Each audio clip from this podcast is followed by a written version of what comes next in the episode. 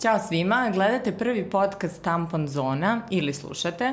Uh, ovaj podcast možete da pratite na Soundcloudu, YouTubeu i Mondo portalu. Uh, ovaj podcast inače će se baviti najrazličitijim temama, imaću stvarno različite sagovornice, ali ono što je zajedničko za sve jeste da ću pokušati da se bavim temama koje žene stvarno zanimaju. Dakle, ne temama koje nam se često nameću kao da bi trebalo da nas zanimaju, već one koje nas suštinski zanimaju, često se zanemaruju i često se o njima ne govori dovoljno glasno. To su teme iz oblasti ženskog zdravlja, žensk, ženskih prava, ženskog oslobađanja. E, pa mi je posebno drago da ćemo danas u prvoj epizodi pričati o jednoj, ja mislim, najbitnijoj, krucijalnoj i gorućoj temi uh, u Srbiji kada su žene i položaj žena u pitanju, a to je uh, seksualno uznemiravanje i seksualno nasilje prema ženama.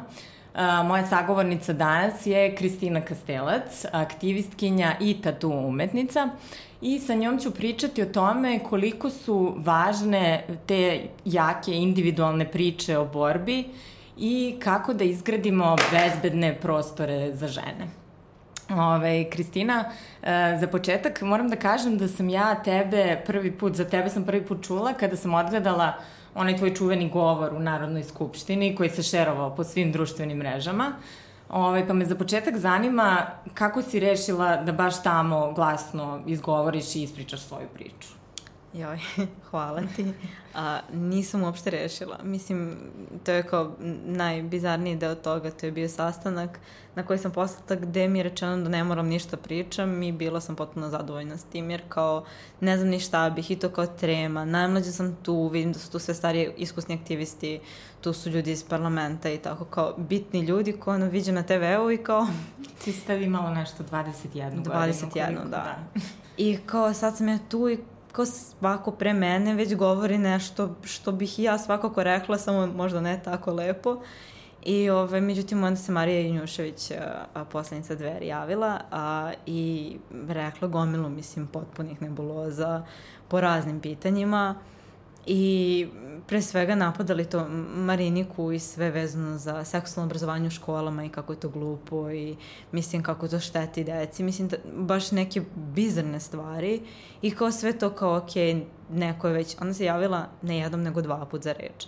Znači to je ako svako dobije 7 minuta, on ima 14 minuta i tad je rekla to kao bitnu, najbitniju stvar, da ona nikad nije dobila nikakve dokaze da LGBT populacija doživljava bilo kakvu neku veću stopu nasilja od ostatka društva, što je, mislim, pre svega, ako ćeš već bilo ko dveri, bilo ko iz takvih partija desničarskih ili organizacija, ako ćeš toliko, tolikom strašću da pričaš o LGBT pravima, o LGBT ljudima, moraš da imaš neku potporu, moraš nešto da znaš, ne možeš da, mislim, ponavljaš neke floskule, da ne znaš šta pričaš, jer prva stvar koju ukucaš, izaći će ti istraživanja da jesmo jedna od najbolji svaka statistika, da. da.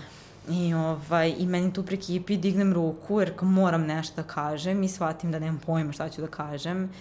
I meni je bitno to s kim god da pričam, da pričam, znači hoću da te pogledam u oči i hoću da me vidiš kao ljudsko biće. Znači ja nisam to kao pripadnik LGBT populacije. Kao jesam, ja sam gej, sve to kao volim ženu, u vezi, u vezi sam sa ženama i kao, znači lezbijka sam po nekoj definiciji, ali ja sam ljudsko biće, ja sam deo ovog društva. Mislim, ja nisam došla iz Amerike i nisam se u tim godinama stvorila na planeti Zemlji, ja sam rođena ovde, odrasla ovde. Mislim, imam mamu i tatu, imam porodicu, imam i kao, i ne bih doživljavala nasilje koje sam doživela da nisam gej. I mislim, i tu mi je bilo bitno, nisam ja tada uopšte znala kao koliki će to kao značaj imati i nije mi palo na pamet da niko nije stao pre toga u skupštinu i rekao ja sam lezbika i bila sam silovana. Uopšte mi ništa toga nije ni prošlo kroz glavu, niti sam pomislila dok nije sve prošlo, dok se to nije objavilo, iako je prošlo koliko godinu dana od toga, od samog govora dok nisam objavila i kad je krenulo se šeruje, kad su ljudi krenuli da pišu i krećem da shvatam kao aha, ovo je bilo malo značajnije nego što sam mislila, ovaj, ali mi je bilo bitno to da kažem, jer kao za mene ne mogu kažem da nije bitno, bitno je bilo to što sam rekla, imalo je značaj, ali za mene nekako je najnormalnije, kao treba da kažemo to, ne vidim zašto da ćutimo, kao ja sam doživjela seksualno nasilje, bila sam pretučena i bila sam silovana kad sam imala 13 godina, zato što sam lezbika. I on to nije nazvao silovanje, nazvao je prevaspitavanje i vraćanje na pravi put i lečenje od homoseksualnosti.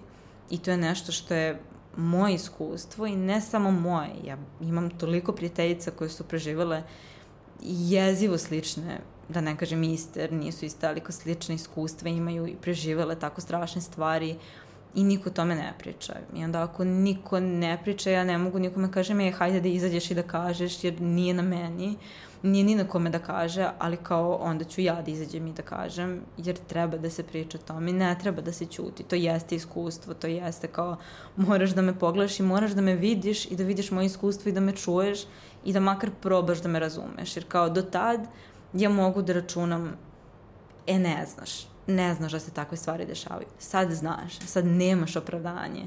Ili ćeš biti na pravoj strani, ili ćeš nastaviti da, mislim, svesno širiš mržnju i dezinformacije.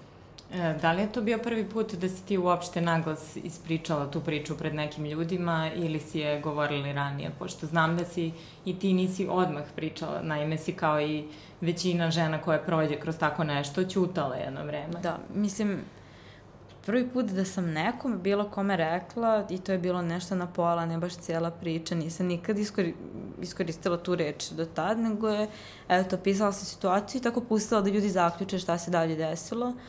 Um, kada sam bila možda druga godina srednje škole. Trebalo mi još mnogo, mnogo vremena, dok tek negde pred kraj srednje škole ja sam rekla tadašnji devojci ispričala i opet ne sva iskustva koje sam imala, a bila sam silovana više puta u životu. Um, I negde taj najveći preokret, kao ja sam javno pre toga pričala o tome za Vice, mm. uh, za dokumentara Zločin iz mržnje. Uh, I nije trebalo, nije bilo planirano. Ja sam se našla sa, sa novinarkom Oliverom i pričala smo, trebalo je samo, tada smo tek osnovali organizaciju da se zna iz koje sam ja sad izašla, ali Ovaj, tada smo bili na početku i trebalo je samo da prožem neku statistiku. I krenule smo da pričamo i obe onako strastveno šta kako. I ja kažem šta mi se desilo i ona kao, da li bi možda pričala o tome, kao razmisli, ne moraš, potpuno kao na tebi. I ja to kao, sad treba da kažem, mislim, moje porodici nisam direktno rekla, nisam baš nešto pričala s njim o tome i mnogi moji prijatelji ne znaju. I onda je bilo to bitno u stvari um, ako ja ne kažem ko će.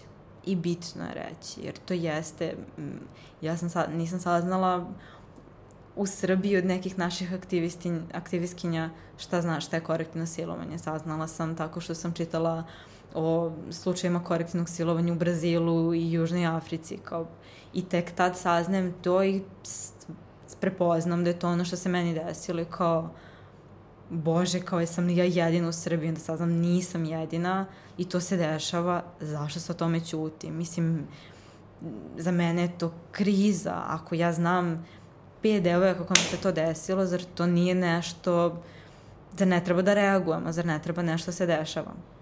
Tako sam tada odlučila. Mislim, bilo je tu dosta tih nekih faktora i ja sam dugo ćutala. Um, A zašto si ćutala? Šta te je nekako najviše sputavalo da progovoriš do tada? A, um, i krivica, mnogo krivice, šta sam ja mogla da uradim da se do, do toga ne dođe, jesam li ja nešto pogrešno rekla, jesam li ja pogrešno radila? I da li je trebalo više se branim? I da li ovo i da li ono? I mnogo sramote. Jer nosi stigmu i kao imala sam, ja sam imala 13 godina. Ali ja jesam mnogo čitala mislim ono, čitala sam novine u skafu. Znači ja sam bila ta vrsta deteta, mislim, potpuno asocijalnog, manje više. I nekako kao to, već sam imala neku sliku, predstavu, da je to nešto čemu se ne priča direktno. To je ono kao, jako mračna ulica, mračni park, nema ti neko napadne, ipak si ti devojčica, da, ipak si ti devojka. Sve nekako odrastamo sa tim nekim pričama, da će neko da nas napadne neki manijak kog ne poznajemo u nekoj da. mračnoj ulici kada se najmanje nadamo ili kada se same vraćamo u kući iz škole. A zapravo, mislim, ono što se dešava nam pokazuje skroz suprotne stvari, dakle da je to uglavnom neko ili iz neposredne naše blizine, okruženja, mm. društva ili jako brojni, brojni slučajevi pokazuju to da je neko iz porodice, čak neko najbliži poput našeg partnera. Ovaj, uh, kaži mi, uh, čija ti je podrška, koliko ti je značila podrška te partnerke kad si to ispričala? Koliko je bitno da te partner ili partnerka razumeju tako nešto? Mislim, neopisivo mnogo. Jer to je ono, ja sad govorim i očekujem da će mi dočekati pitanje, a zašto nisi ovo, a zašto nisi, a zašto si ovako, a zašto? I onda dobijem to kao, žao mi je što si prošla kroz to, pa to objašnjam mnogo stvari, pa šta, pa kako, pa šta mogu da uradim ti pomognem. I onda je kao, aha, a ja za ovako, ovako izgleda podrška i kao potpuno promeni način na koji ja gledam sebe. Ali mislim da mi najviše, mislim, pored pa, moja sadašnja partnerka je moja najveća podrška, definitivno. Mislim, uvek je tu uz mene i mislim, to je svakodnevna trauma, da tako kažem. I kao, nije to nešto sa čemu ja svaki dan, ali je tu i sa mnom je. I mnogi stvari me triggeruju ona je stvarno tu da znam da je, da je moja stena u svakom trenutku i da me podržava i da me voli i da me poštuje i da dobijem od nje sve to. Ali i jako mi je bilo značajno kad sam prvi put rekla nekome ko je bio to kao nije partnerka, nije neko ko je blizak, nego prijateljica s kojom čak i nisam bila toliko bliska i sad govorim joj iz besa i nešto je triggerovalo to u, u kafiću i sedimo i same smo i ja je pričam i ona klima glavom i kaže znam. I ja sad kao, ne, ne znaš. Mislim, želim to da kažem, ali neću da kažem, nego samo kao... I ona prepozna taj pogled i kao pruži ruku preko stola i uhvati mi kao, ne, ne, Kristina, znam, meni se desilo isto. I kreće da mi priča i taj moment te validacije, jer kroz razgovore s njom i kasnije s drugim prijateljicama, izašlo svaki put kad kažem ja sam kriva ili osjećam krivicu ili nešto, ona bi me pogledala i rekla, ok, I onda bi ponovila svoju priču i rekla, ajde reci mi da sam ja kriva. Iako, naravno da nisi, krivi on, krivi su oni, to nije tvoj, i kreće mi onako, ok, ok, ajde sad to reci sebi. I ja kao, ne mogu. I kao, a zašto? Kao, znači, kad god pomisliš tako za sebe, samo zamisli da ne govoriš meni, ne govoriš tebi, ne govoriš meni, govoriš nekome ko ti je blizak. I ja kao, aha, Tako da to je bila ta značina i validacija i podrška i potpuno je promenila način na koji gledam, jer mi je nezamislivo da bilo kome kažem, e ti si kriva ili trebalo ovako ili onako, i u stvari taj nedostatak ljubavi prema sebi, jer seksualno nasilje uništi tu svaku trunku samopoštovanja koju imaš prema sebi i samopouzdanja i ono, um, ja sam nakon m, svih tih slučajeva, svih tih iskustava nasilja. Zaista ono, deo mene, veliki deo mene je verovo ja zaslužujem ovo, ja ne vredim ništa, jer to je ono što su mi ti muškarci govorili time što su mi radili. Svaki put kad me neko napao, svaki put kad, to je to kao, ne, ni, ne vrediš ništa. Tvoje ne ne vredi ništa, tvoje opet ne vredi ništa, tvoje postojanje, tvoje, tvoje telo, telesna autonomija, tvoje pravo da te niko ne dira, ne vredi ništa. I vremenom počinješ da veruješ u to. Ja ne vredim i ne voliš sebe i teško ti da voliš sebe jer ono to kao pogledam svoje telo ja vidim to što su mi radili i ja ne mogu, mislim kao bude mi teško tuširala sam se po 5, 6, 10 puta dnevno koža mi je krvarila, pravila sam sebi podlive tuši, mislim kao prosto ne, ne možeš da podneseš to telo u kom živiš i mrziš sebe, mrziš njih, mrziš sebe, besan si i nemaš ka kome ja mogu da usmerim bez, nego da ga konstantno, pogotovo ako ćutim o tome. Sebe, I da. onda da. je to tu je, unutra je, u meni je i onda ga stalno vraćam u sebi, stalno ga potiskujem i izjedati iznutra i onda taj moment kad kao aha, ali ja nisam jedina u ovome, iako moja drugarica nije kriva, ako moja devojka nije kriva, ako bilo koja žena nije kriva, onda ni ja nisam kriva za to što mi se desilo. I u potpunosti promeni pogled na to kako gledaš na traumu, kako gledaš na seksualno nasilje, na svoje iskustvo, na svoj život, na svoje telo, na to koliko vrediš. E, malo pre si pomenula taj termin korektivno silovanje i to da je muškarac koji tebi to uradio rekao da je to uradio zbog nekog pre, prevaspitavanja. Ovaj, to je, ja mislim da je to taj njihov taj stav vrlo čest i mi ga vidimo i meni je to slično i u porodičnom nasilju kad muškarci ubijaju svoje žene da bi im nešto objasnili, da bi isto nešto prevaspitali ili im održali neku lekciju. I to su baš teški, ono, zaglibljeni patriarhalni obrazci da. koji se pojavljaju u društvima u kojima je žena na dnu bilo kakve lestvice. Ove, šta svi ti obrazci govore o položaju žene kod nas u Srbiji? Oh, kakvo pitanje. Ali ne, definitivno postoji to, ono, um, kad pogledaš samo na koji način se podižu dečaci i devojčice. Apsolutno drugačije. Od rođenja drugačije. Količina radovanja je drugačija. To je ono, lepo imati čerku, ne znam ko je to skoro izjavio, bilo na Twitteru i kao, ali ko ali sine sin, nešto da. posebno. Da. Dete je vajda nešto posebno, svako dete, kao čudo života. Mislim, ako ćemo tako, ako već toliko stavljamo taj akcent na porodicu. I onda sve dalje, devojčica da bude mirna, da bude tiha, da bude poslušna, da ovo, da ono, ulogi su potpuno i tih, mislim i Hannah Gadsby, komičarka koja je imala ste sjajan nastup da, na net i ove koji svako treba da odgleda. I ono to kao zašto nas odmah stavljate u suparničke timove. To da. kao, muškarci nisu s Marsa, žene s Venere, mi smo svi sa planete Zemlje.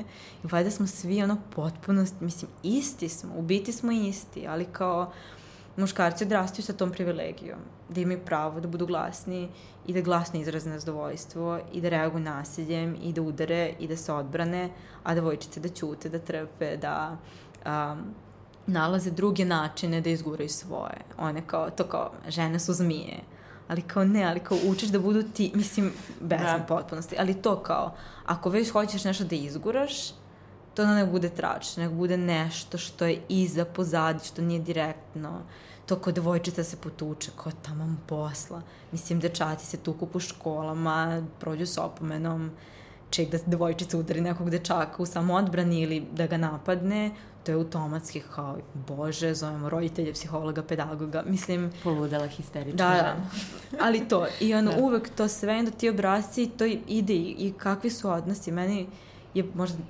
stvarno kažem, blagoslove što sam lezbijka, jer nemamo nikakav obrazac kako se ponašamo u vezi. I ti tu negdje pipavaš, mm. možda u početku kao pokušavaš da preslikaš taj neki heteronormativni kao kako izgleda to kod roditelja, kod sred parova i onda shvatiš to tako ne funkcioniše. I, ovaj, I onda negde stvaraš sam svoj, da se poštemo, da se volimo, da smo iste smo. Isto smo pola i iste smo. U svemu smo iste, sve isto radimo, sve isto, ono to kao klasično ormanti se u dvostruči, jer kao da. sve, na svim nivoima. A kod straight ljudi stvarno ono vidim te neke zatvore koliko god da imam primjere predivnih veza, ali vidim to i u datingu pogotovo i to sve. Šta se očekuje, šta moraš, kako moraš. I onda kako tako nešto može da se dobro preslika u nekoj ne gajiš, ne, ne, ne podižeš decu dok su deca, dečaki i devojčice, da uopšte ikada ostvare zdrav odnos. I kako onda oni mogu iz toga kada ne znaju za drugačije. A pogotovo što porodično nasilje da je uvek sve ispod tepiha i to je nečija privatna stvar i to na, o tome ne treba i zašto bi iko zvao policiju i ti onda u takvom okruženju odgajaš decu. Ne samo tu decu koji su u tom nasilnom domu, nego u onom komšijskom gde neko pojača TV i ne pozove policiju i kaže ma to je njihova da. stvar. I ti odrastaš misleći pa to je njihova stvar. I onda neki muškarac napadne devojčicu u tramvaju. Pa to nije naša stvar, nije do nas, to se ne dešava nama, to je tamo negde. I mislim, ja sam bila u situaciji um, da sam, da me dug vremenski period jedan muškarac zlostavljao i ucenjivao. Um, i praktično držao, mislim, nisam bila zavezana podrumu, ali praktično kao da jesam. I a, mlatio me i zlostavljao toliko i ja sam se toliko drala i zapomagala da su komšije mislile i rekle da su, ono, ubeđeni su bili da ću ja izaći sutradan, da će me policija izneti u crnoj vreći. Koja policija, niko nije okrenuo Niko policiju. nije pozvao. Da je neko pozvao policiju, policija bi došla i videla situaciju i ja bih izašla iz te situacije. Ali to se nije desilo i ja sam sutradan izašla, samu sam sebi iznala iz te kuće i nisam imala gde i šta, nego da se opet vratim tamo. I to ide u krug i u krug i u krug. I onda kao, o čemu mi pričamo, o Da, kakvom postoji sistemu. stvarno to veliko nepoverenje u institucije, mislim koje je opravdano. Imali smo i prošle godine ubistva žena u samim institucijama koje su zadužene da ih zaštite. I mislim da je to jako strašno jer nekako navikava žene da ćute i da nemaju poverenja. Znači nasilje se relativizuje, ženama se ne veruje. Ovaj, šta ti misliš, kako može? S druge strane imamo toliko zločina iz mržnje isto koji su prijavljeni, ali na kraju sa tim prijavama nije bilo ništa. Ono, pre godinu dana mislim da je prvi put dona, doneta presuda Da. za neki zločin iz mržnje. Uh, Od šta se treba da 2012. se... kad je doneto Zamisli. Da. Šta se treba da se promeni u sistemu i u tom nekom institucionalnom okviru da bi stvarno bilo bolje i da bi im ljudi više verovali? Ah, toliko toga. Mislim da sistem treba da se sruši i izgradi, da se ono u potpunosti do temelja i da se izgradi potpuno novi. Um, znaš, nezgodno je pitanje, mislim, kao to ja nisam pravnik, nisam ovo, ali Da. kao ono što Zašto se ja mogu- ženama, ti na primjer nisi isto prijavila, je li tako? Nasilje koje ti se dogodilo, nisi. Ali, do duše, ovo najskorije, mislim, prijava se piše, Da. iću pravo tužiloštvo ovaj, sa tim. A, čekam samo izveštaj od psihoterapeutkinje, ovaj, ali, ali nisam prijavljivala. N- nikad. A, moj u glavi svoj, znači na jednom veoma raznom logičnom smislu, ali i duboko u sebi, policija nikad nije bila rešenje.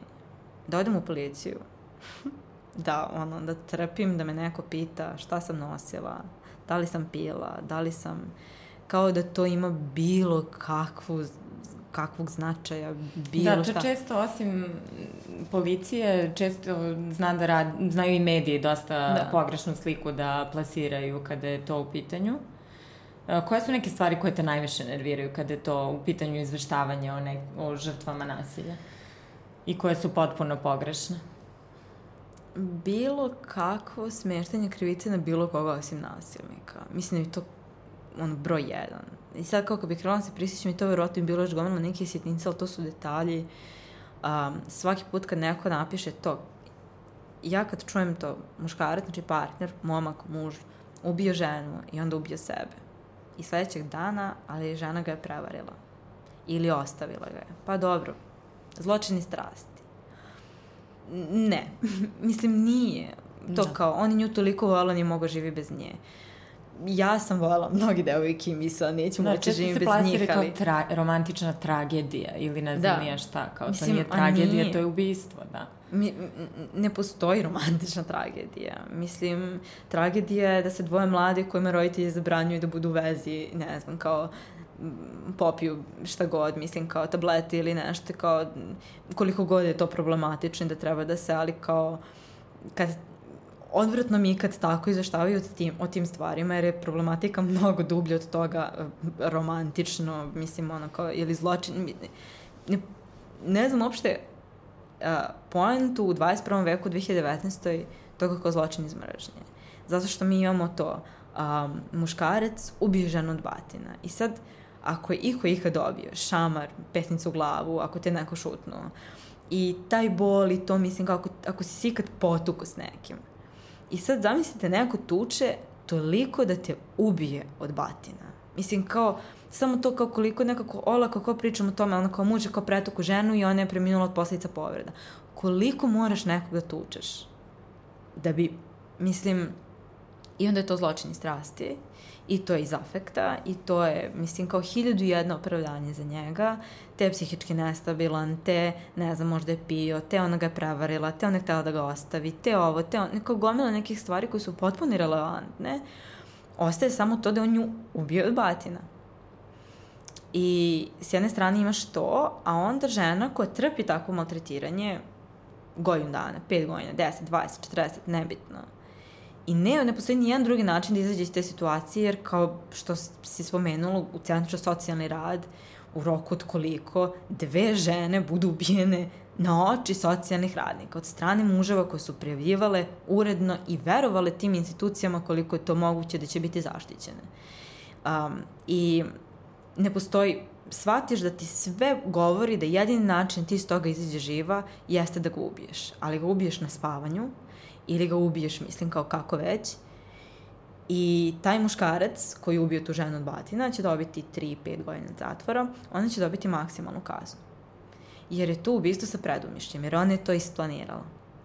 I ne uzima se u obzir ništa, gde je njena nestabilnost, gde je njeno življenje sa zostavljačem, sa predatorom, sa nekim koji izmanipuliše, ko emotivno, mentalno, fizički, seksualno zlostavlja godinama. Šta je sa tim? Ne računa se i to je to. Muškarcima se to sve nalazi kao izgovor, a kod žene je to razlog za još veću osudu. I to je sam, to srž sistema. U potpunosti gledaju drugačije te dve stvari. I ako muškarac počne ovde, žena ovde, mislim kao, to je već 15 koraka iznad sa toliko tih nekih izgovora, a kod žena sa toliko osude odmah u startu. E, osim tih patriarhalnih obrazaca o kojima pričamo i koje sam spomenula, čini mi se da je u naše društvo baš duboko ukoranjena ta kultura nasilja i da je nasilje stvarno sve prisutno i nekako mi se čini da su ljudi izričito alergični kad je ta reč e, ravnopravnost u pitanju na bilo mhm. kom polju. Šta misliš, otkud to, da se toliko stvorilo to nasilje i ta mržnja? Pa, mislim, gledajući istoriju našeg naroda, mislim, naše zemlje, gde nasilje ne prestaje, gde ratovi ne prestaju, gde nemaš predah i kao stalno si u tom nekom, mislim, grču, nek, nekom kolektivnom svesnom, da kao stalno čekaš nešto sledeće, a drugo jeste, mislim, patrijarhat i kapitalizam izvor svog zla. Mislim, kao koji god problem kad ga, ono, do, skroz, skroz razložiš, razložiš da. dobiješ te dve stvari. Te uzroke, da. I mislim, i stvarno je strašno. Mada mislim da je strašnije to kao, mislim, strašnije. Deo svega toga jeste baš to kao, m, stalno se priča, makar ono što ja primećujem, je strane aktivista i političara. I sad, pričamo tako, to kao ravnopravnost. To su sve ti neki pojmovi koji tako abstraktno umeju da deluju.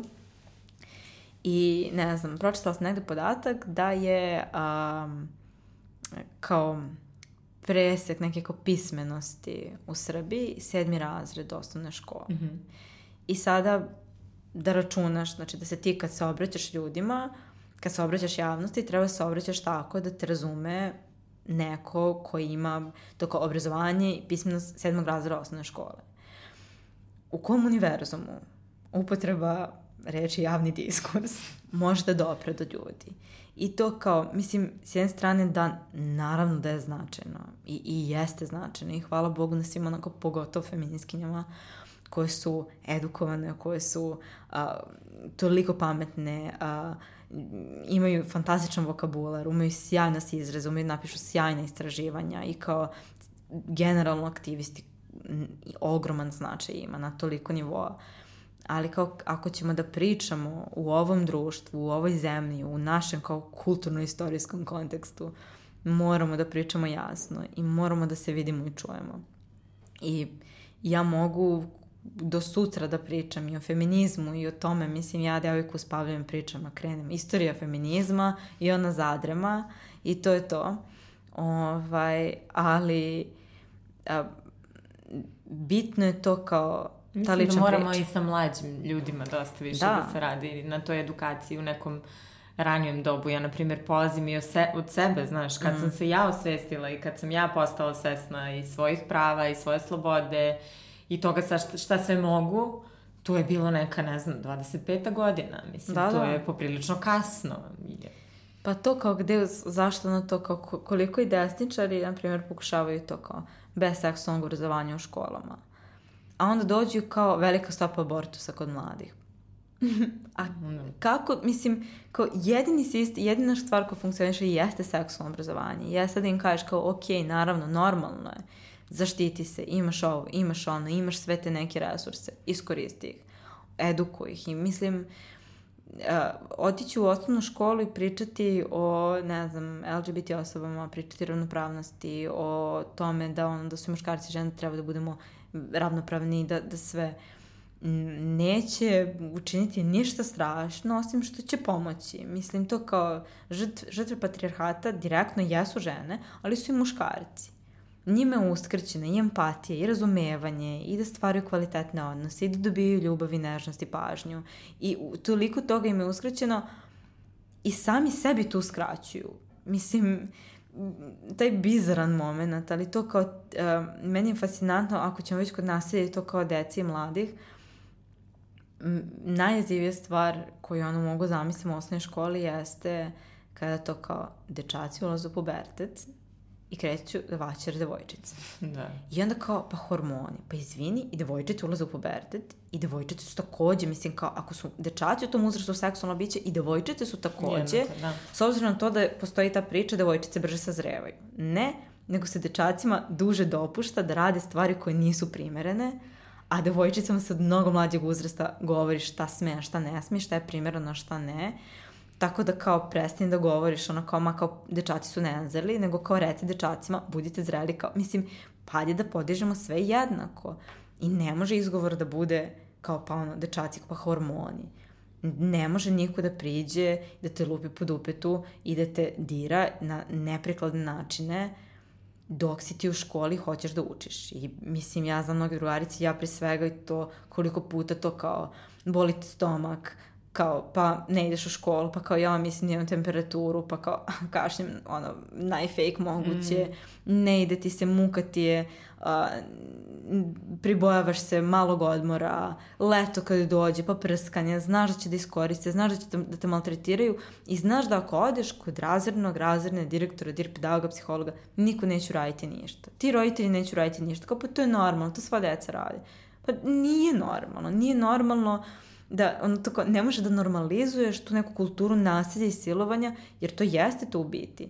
Jer ti kad dečaku u uzrastu kad ima 12 godina kažeš nema veze što devojčica kaže ne, njegov, da. to su hormoni, onda on kada hormoni budu još gori, kad podivljaju, a devojka mu kaže ne, on neće stati. A ona neće znati da kako da se izbori, kako da se nosi, kome da se obrati, kad je u toliko navrate se obraćala i rečeno je pa hormoni, pa dečaci, pa oni imaju sve potrebe. opravdavano, da. I onda i tu nastaje problem. I, I ja znam toliko, ja sam ubeđena da mnogi, um, mislim, verujem da svaki muškarac koji siluje ženu je vrlo svestan toga šta je silovanje. I to je toliko jasno. Te tehnike manipulacije, zostavljačke, manipulatorske koje oni koriste su preslikane. Znači, apsolutno, uvek. I variraju samo u nekim finesama. Uh, ali mislim da mnogi od njih ne vide to kao, znaš, misle da mogu, rade to zato što im se može, zato što im celo društvo govori to nije tako, to je okej. Okay. Kao možda jeste strašno, ali ne, okrivi suknju, okrivi, i to je uvek to okrivljavanje, kriva je suknja, kriva je mračna ulica, kriva je ovo, kriva ono, alkohol, kao ne, kriv je onaj koji iskoristi osobu koja nije u stanju da kaže ne, koji izignoriše ne, koji iskoristi nasilje, ucene, bilo kakvu zloupotrebu, bilo čega i na kraju krajeva nekoga, mislim, pretuče i to bude brutalno i nasilno. Mislim, to su sve, to je raspon različitih vrsta seksualnog nasilja, a možemo da kažemo da počinje od trenutka kada smo deca i kada devojčica kaže ne ili prestani i dečak nastavi i neka figura, autoritet, neku školi kao koga gledaš, ko ti je sve. I roditelji kažu, pa to je okej. Okay.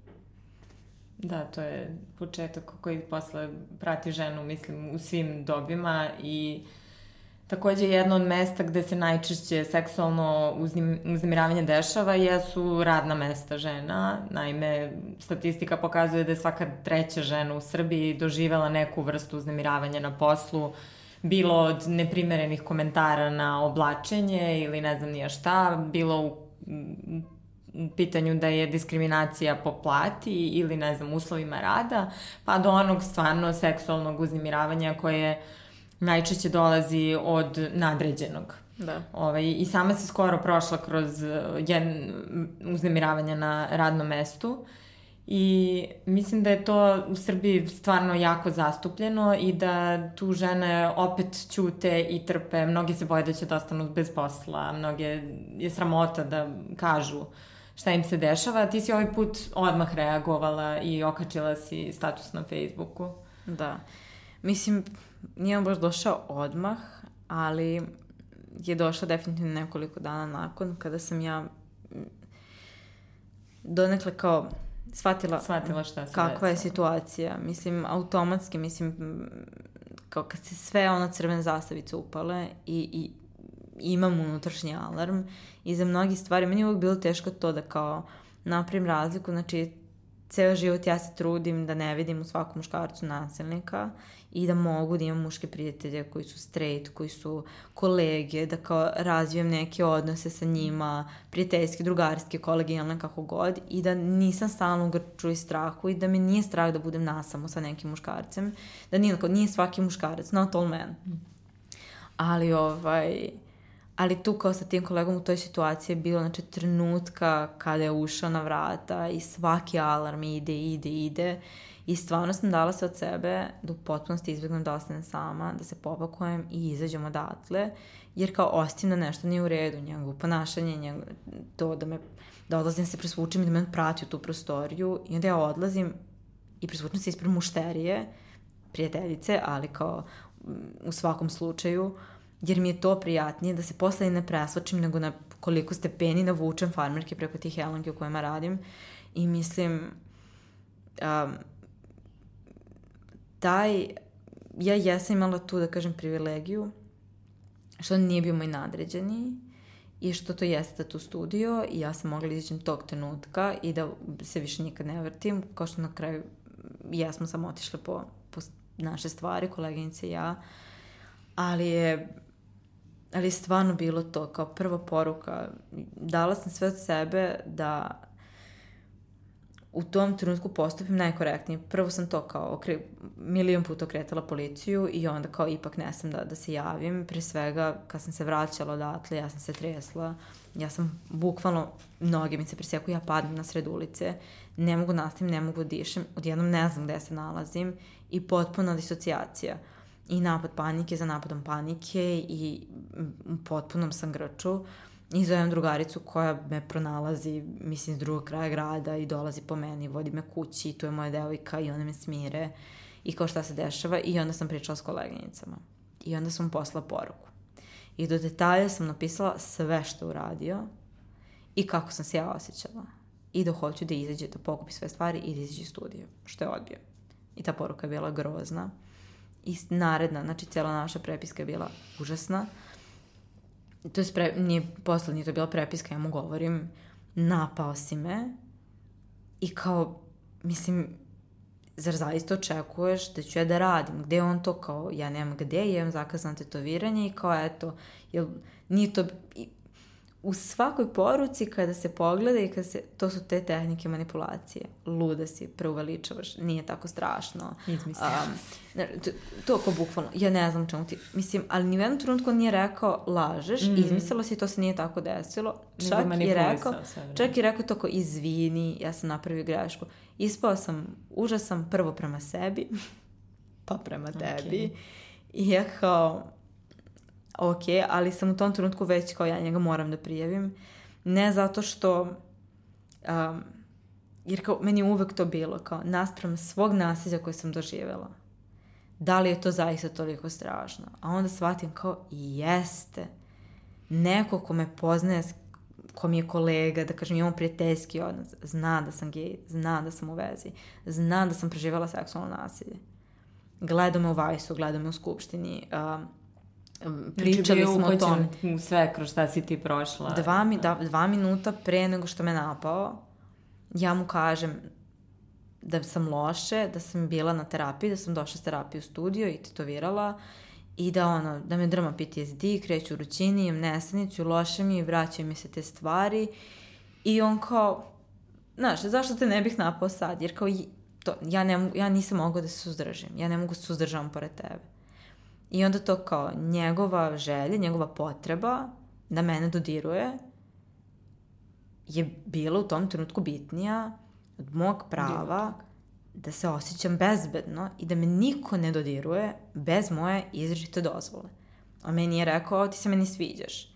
Nego mi prišao sa leđa i napao mi, nastavio da me seksualno, da me dodiruje neprikladno koliko god da se njega gurala i govorila mu ne, prestani, nemoj da me diraš.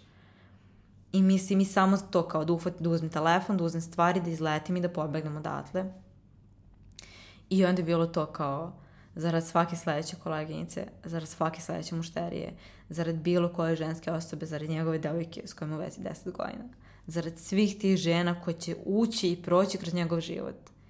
I ja moram da kažem kako se on zove i ko je on i šta je uradio i ja moram, jer to je ono što ja nisam radila celog života. Celog života je bilo ja ne sam da kažem i ja neću da mene neko posle tog da kaže. Mislim, a, to društvo u kom sam bila koje je poznavalo a, muškarca koji me prvi put cijelovao. Bez da sam ja rekla njegovo ime, bez da sam ja njegov optužila, niti bilo šta je već od mene napravilo. Znači, na samo ono kao pomisao možda se tu ne, možda on mene napao je bilo kao ne. Jer on je šarmantan, on je, kao to, on je toliko dobar frar, zašto bi morao da se, mislim, i potpuno se, sve do trenutka dok nije silovao moju prijateljicu, koja je bila straight i u kojoj sam ja bila zaljubljena zato što sam bila zaljubljena u nju. I dok ona nije pokušala da se ubije, niko nije verovao i svi su to kao ja lažem, to kao ja volim grubo, pa sad kao izmišljam priče jer se stidim, kao zanemarujući, zanemarujući činjenicu se to desilo kad sam imala 13 godina. Mislim, i ostale stvari. I kao, zarad svega toga, pogotovo što ta prijateljica jeste oduzela sebi život krajem prošle godine. I ja osjećam tu krivicu jer ja nisam rekla. Da sam rekla njegovo ime tad, ona ne bi bila nasilno s njim. Mislim, ne kažem sam ja kriva, kriva je apsolutno samo on, ali kao sad mi je bilo bitno da kažem sve vezano za ovaj slučaj i da prijavim i da idem dalje i da guram bez obzira na to kakve posledice mogu da budu tu po mene ili po moj rad ili po moj posao ili po mene lično i bez obzira na to koliko je teško, jeste teško reći, ali kao baš zarad tih drugih, zarad bezbednosti drugih žena, zarad toga da da ja mogu da budem načisto sa sobom, da kao ja sam radila sve što je bilo u mojoj moći. A imam sada takav sistem podrške i to jeste privilegija. Imati podršku prijatelja, koleginica, devojke, porodice, imati ljudi u sebe koji će reći uradit ću sve što treba za tebe nije ono što sve žene imaju, nažalost. Mislim da ti nisi ni svesna kolika je tvoja podrška. Mislim, ja znam kad si ti napisala taj status koliko je žena se pronašlo i koliko je njih išerovalo i tako da znaš da stvarno mislim da si uradila da je tvoja borba borba mnogih žene, a ne samo tebe. Ovaj, uh, da, htela sam samo da pomenem uh, kada je u pitanju to uznemiravanje na poslu o kom smo pričali, sad pratimo već godinu dana slučaj Marije Lukić, koja s jedne strane isto kao ti jedna vrlo inspirativna žena jer je sve bori se sama i protiv sistema i protiv grada u kom žive koje ceo osuđuje e, i ona kao jedna svetla tačka, a sa druge strane dakle imamo sistem koji ne kažnjava očiglednog napasnika koliko to može da bude pogubno i koliko može da obeshrabri žene da pričaju o tome šta su preživale, šta im se dešava, koliko može da ih obeshrabri, obeshrabri da prijavljuju nasilnike, to što, eto, iako prijave, oni pronađu neki svoj put da se izmigolje. Jeste, mislim, ono potpuno crni. Ja znam mnogi devojke žene koje ne da ono imaju sunjustis, nego nikakvu veru nemaju. I one koje su doživjele nasilje i one koje nisu, ali kao kada bi doživjela nasilje, nikad ne. I kao, i to jeste velika problematika. Ja znam mnogi aktivistkinje, feministkinje koje kažu, mi kao mi stalno pričamo o tome kako treba prijavljivati. Ali kad nama dođe žena, pretučena, u, u stanju kakvom dođe emotivno, mentalnom, fizičkom, ako ima sumnje, ako, je, ako se plaši, kao moralno, etički, kako da je pošaljemo u taj sistem dok ga ne promenimo.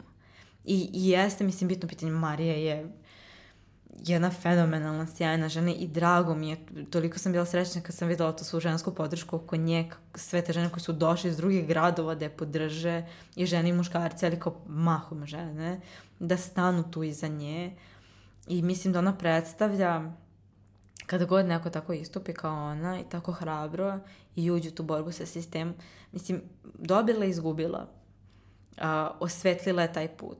Stala je tu i rekla je to u ime svih žena koje nisu mogli, koje možda nikad neće moći da kažu to. Da. I da stanu tu sudnicu i da ono, mislim, bitno, kad je bio čitav onaj slučaj sa Brock Turnerom u Americi koji je dobio šest meseci, pa onda tri meseca, pa pušten, pa mislim, praktično nije ni služio kaznu za, za silovanje i zlostavljanje od nesvršćene žene, devojke. Ovaj, on je napisala to fenomenalnu izjavu koju je pročitala i koja se svuda šerovala i koja koji su čak čitali novinari, novinarke na, na nacionalnim vestima njihovim. I ona rekla to kao ja se nadam da, da ću biti svetionik u toj tami. Ne, ne, nije to bitno zarad pristaniš, da. nego samo da znaš da postoji to svetlo koje je tu. Kao nebitno je potpuno da je dobio 10 godina, da je, dobio, da, da je bio oslobođen. Kao, ali stala je tu i pružila je tu neku nadu i kao kada bismo sve stale zajedno kakva je to energija, kako je to kad ono ustaneš za sebe i za drugi. I mislim na taj način ohrabriš drugi da kažu. Meni je, ja sam dobila toliko poruka... Da, koliko je tebi ta ženska solidarnost značila u trenucima kad si ti glasno izgovorila sve? Najviše na svetu. Najviše na svetu. Mislim, toliko žena koje su rekle to kao baš ja nikad nisam rekla, doživjela sam tako nešto i koja onda kao kroz ti razgovori, ta podrška ili ja nikad nisam doživjela, ali kao tu sam za tebe, šta god treba. Stotine, stotine, stotine poruka. I onda ni jedna poruka mržnje, ni jedna osoba koja kaže da lažem, da sam dobila pare za govor u skupštini, mislim, gej lobby, znači sve te kao nebuloze i grozne poruke ili status ili komentari ne mogu se uporede jer je na svaki komentar došlo na desetine poruka i, i komentara podrške. I, I bitno mi je, to kao, baš zarad tih drugih žena. Jer kao ne moraju nikada kažu apsolutno na tebi da li ćeš ikada izgovoriti to, a bitno je reći. I kao ja znam koje lakšanje, ja sam živjela u zatvoru do trenutka dok nisam krenula da pričam o tome. Koliko god je bilo teško. Ja sad za, za muškarica koji me posljednje zlostavlja, me teško fizički seksualno zlostavlja, ja nisam u stanju da kažem njegovo ime naglas. Moje drugarice ne znaju kako sam, ja ne mogu da izgovorim njegovo ime. I kao, i, zna, i to je još uvek taj deo zatvora, i to nosi tu sramotu i krivicu i sv, sve te najgore osjećaje na svetu, ali kao kada pričam o tome, kada kažem javno, kada kažem nekome i kada se neko prepozna u tome, I kad neko kaže, toliko njih napisalo, mislila sam sam sama u svemu. I kao sad znam da nisam sama. I uvek kažem kao, možeš da mi pišeš kad god, kogod, kad god može mi se javi, kao, jer jesmo u svemu ovome zajedno, kao kad je sistem takav i kad znamo koliko nekako crno ume da deluje, treba da se držimo zajedno i da budemo tu i da kao baš ta solidarnost ženska ima toliku moć gde on, mislim, da, mislim pokretačka da energija. uslovima stvarno može da bude ključno. Jedan od, eto, primera je i tvoj salon za tetovažu novi koji si nakon što ti se ovo izdešavalo otvorila sa svojim drugaricama i stvorila jedan bezbedan prostor. Može da nam kažeš nešto više o tom salonu? Ja, i pored toga što ga obožavamo svakog dana, znači svakog dana sedemo tu i samo sedimo i kao, jaj, kako ovo dobro osjećaj i ljudi se osjećaju bez, mislim, mi svakoga primamo naravno neotvoren za sve i kao dolaze sred par, ne diskriminišemo nikoga. I dolazi muškarci to i kao, ali žene koje dođu i koje kao ono nisu htjela se tetoviraju ili su imale neka loša iskustva i kao sad mogu ono joj kako ovdje prijatno, joj kako ovdje lepo, joj ja bi samo ovdje sedim da pijem kafu s vama, joj ja bi dođem, kao jel mogu dođem, kao svrati, slobodno sedi, pričat ćemo, mislim kao, i to se osjeti, jer mi smo tuše kolektivno, ovaj, moja kolegnice, Jovan i Natalija i Uša smo tu kao nekako, jer smo mi bili u Sarajevskoj i one su krenule za mnom, pokupile sve stvari i organizovalo se i onda zvale još devojaka se priključilo I mi smo kao mala komuna. Znači to je to kao feminizam, queer, a, da je bezbedno, je, da je sve kao, prvo da je kao čisto sterilno, da je sve kao da su uslovi potpuno profesionalni, a drugo da je energija dobra. Da se svako osjeća najprijatnije na svetu, da trans osobe znaju da mogu da budu out, da ćemo, se, da, ćemo da koristimo zamenice koje njima odgovaraju, koje oni žele, koji kao u kom god, mislim, toliko onih mladih koji se tek autuju i koji to kao istidljivo i da li smeju kako smeju, do toga neko dođe i kao da mi već zna, bez ikakvog problema. Da gej ljudi mogu da dođu sa osjećaju bezbedno, da žene mogu da dođu sa osjećaju bezbedno. Mislim, meni je taj moment... Um, Kako je tebi da radiš u takvom okruženju sa ženama koje poznaješ? Jel se osjećaš konačno bezbedno tu, na tom mestu? na svetu. Mislim, kao jeste bubble i to kao stalno kao pričamo, kao ako mi živimo u tom baš mehuriću nekom, naspram cijelog tog kao čitavog sveta, mislim, pogotovo ti kod tetoviranje veoma muške, posebno muška sfera, veoma heteronormativna, veoma onako malo heavy, mračna, a mi smo nekako sve tako svetle i kao ne znam, potpuno drugačije, kao baš kao umetnost u svemu tome, ali osjećaj je fantastičan. I kao jeste Mehurić, ali kao u ovom sistemu Mehurić je upravo znači, ono što nam treba. I kao toliko nam je lepo i kao stvarno uživamo, stvarno smo srećni i zadovoljne, užijem da radim, kao primećujem da kao jedva čekam, kao kad imam ceo dan posla, i preumorna sam, ali je osjećaj dobar. I kao i sve to mislim i tetovaže koje radim ove besplatne su takođe, mislim, ogroman deo toga. Zašto me toliko bojalo sve što se desilo u prethodnom studiju, jer kao to nije bio više bezbedan prostor za mene, ali negde možda još bitnije, više mi nije bio bezbedan prostor za mušterije, a radim besplatne tetovaže za osobe koje su preživjele seksualno nasilje. I ja hoću to da dođu i da su apsolutno opuštene, da im je prijatno, da možemo da pričamo, da možemo da plaćamo, da se smemo, da, da podelimo to iskustvo, da validiramo jedna drugu kroz to tetoviranje i da to bude iskustvo koje će biti samo deo tog ono, puta isceljenja i, i rasta u svakom smislu. Kakva ti je bila komunikacija sa tim ženama kojima si radila besplatne tetovaže i Jel su uopšte dolazile žene? Koliko ih je dolazilo? Kako je to bilo na početku? Jel se posle povećavao broj? Da. I kakav je to simbol zapravo? Ti si ga našla, da. to je onaj Lady Gaga, je to da. taj simbol? Jeste? Da, da, to je, mislim, čitao priča to kao kad je izašao trailer za Hunting, Hunting Ground je dokumentarac o seksualnom nasilju na američkim kampusima.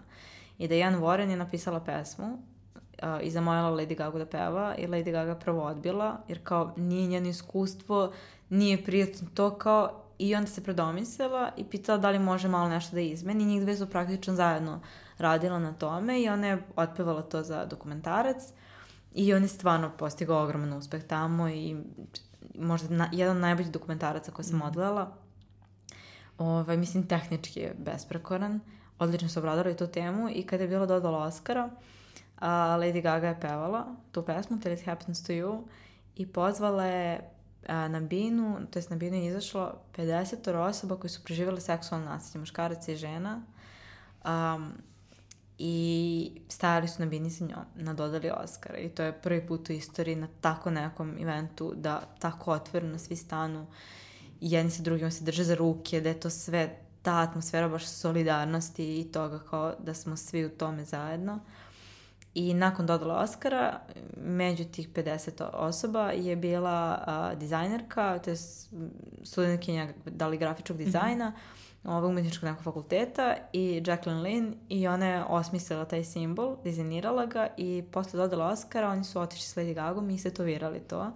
I ona je to objavila na svom sajtu i ponudila svim osobama koji su preživjeli seksualno nasilje, bilo koje vrste, da mogu da ga uzmu i koriste u kom god obliku žele, da li će ga tetovirati, štampati, imati u sobi kako god, da treba da predstavlja baš to zajedništvo i snagu i hrabrost i to kao eto kao dokle smo došli, da je to kao nije da, naš to baš dopalo kad si ti u jednom trenutku rekla da to nije nikakav žig žrtve sad, da. nego je baš simbol snage. Baš, ba, mislim, ali jeste teško. Meni je trebalo, mislim, i sama ideja da ga tetoviram besplatno došla jer sam ja jednog godinu dana htela da se tetoviram i kao hoću da ga uradim i hoću.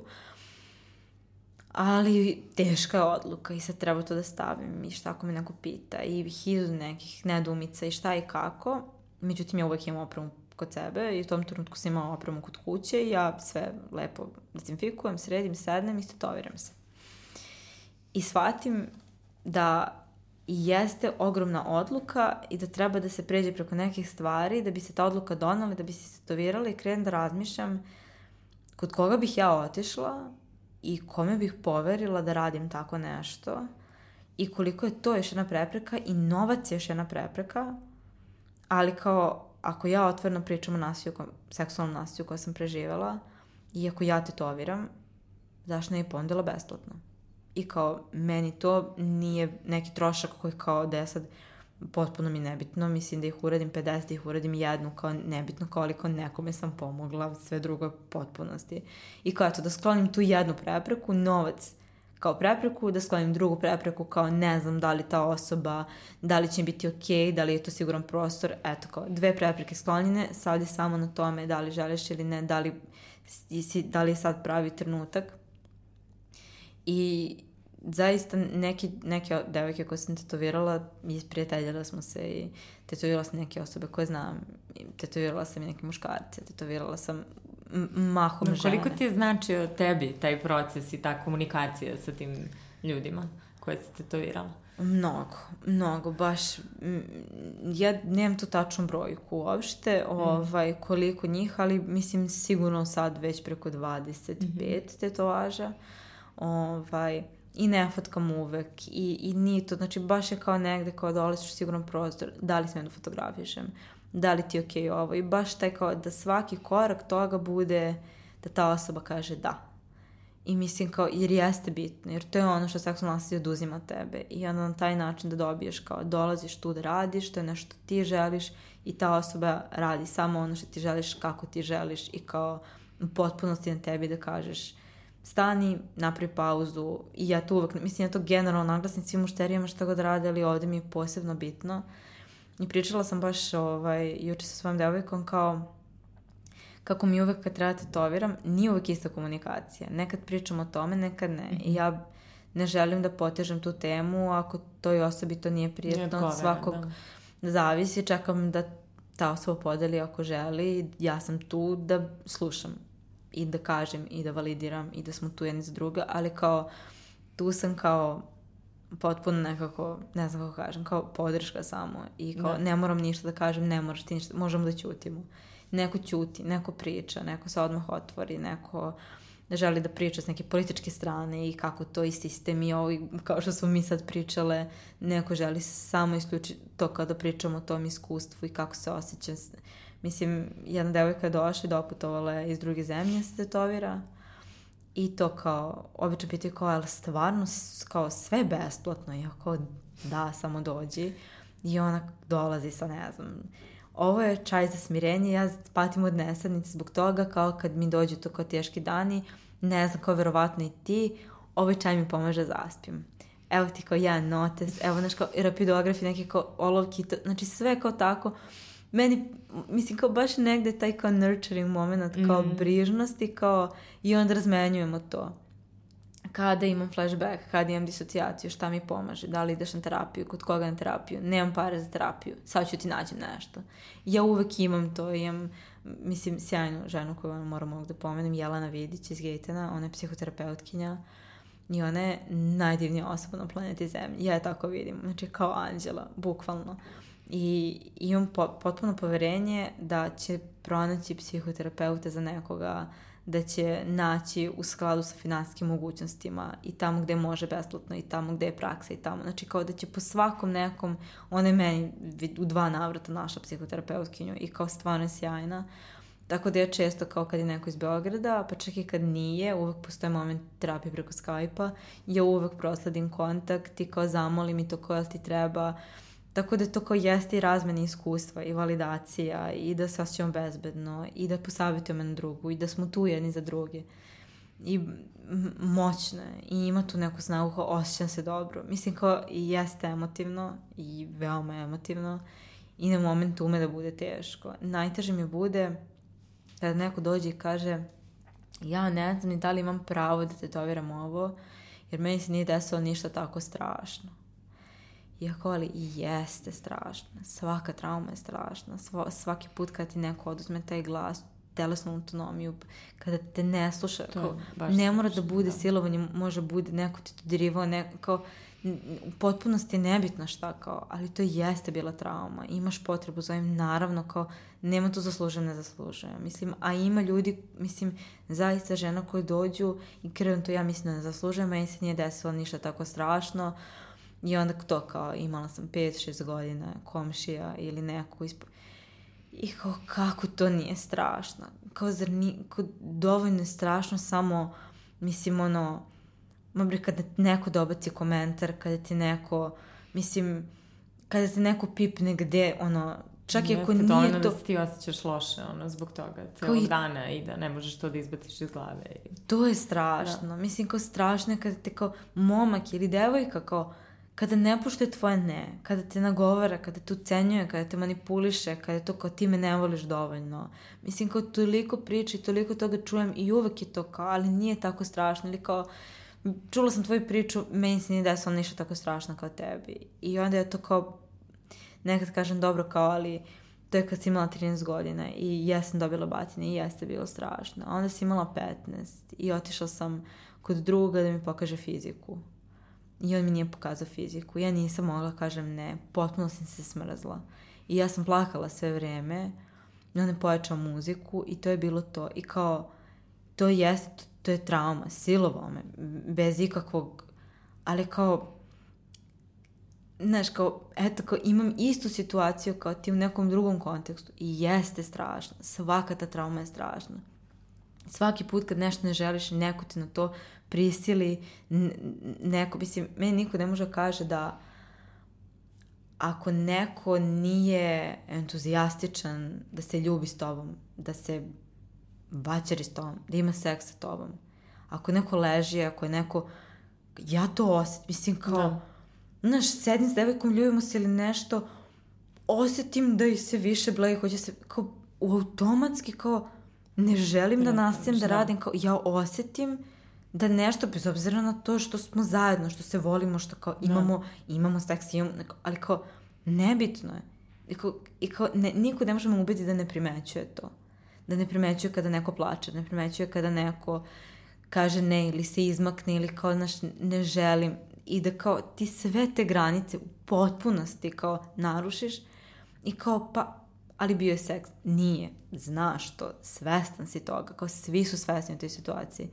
Tako da ono negde ovaj, to, to kao različita iskustva i različite validacije, ali mi je ono uvek bitno to kao da iznova i iznova ponovim to, ne postoji skala, znači ne postoji nešto što je dovoljno strašno, nedovoljno strašno, nedovoljno loše, Da, šta je nešto što bi sad poručila nekim devojčicama ili devojkama kojima se desilo nešto bilo šta strašno, a da i dalje to čuvaju u sebi i da su zatvorene u taj oblik žrtve i da ne mogu da i dalje izađu iz toga.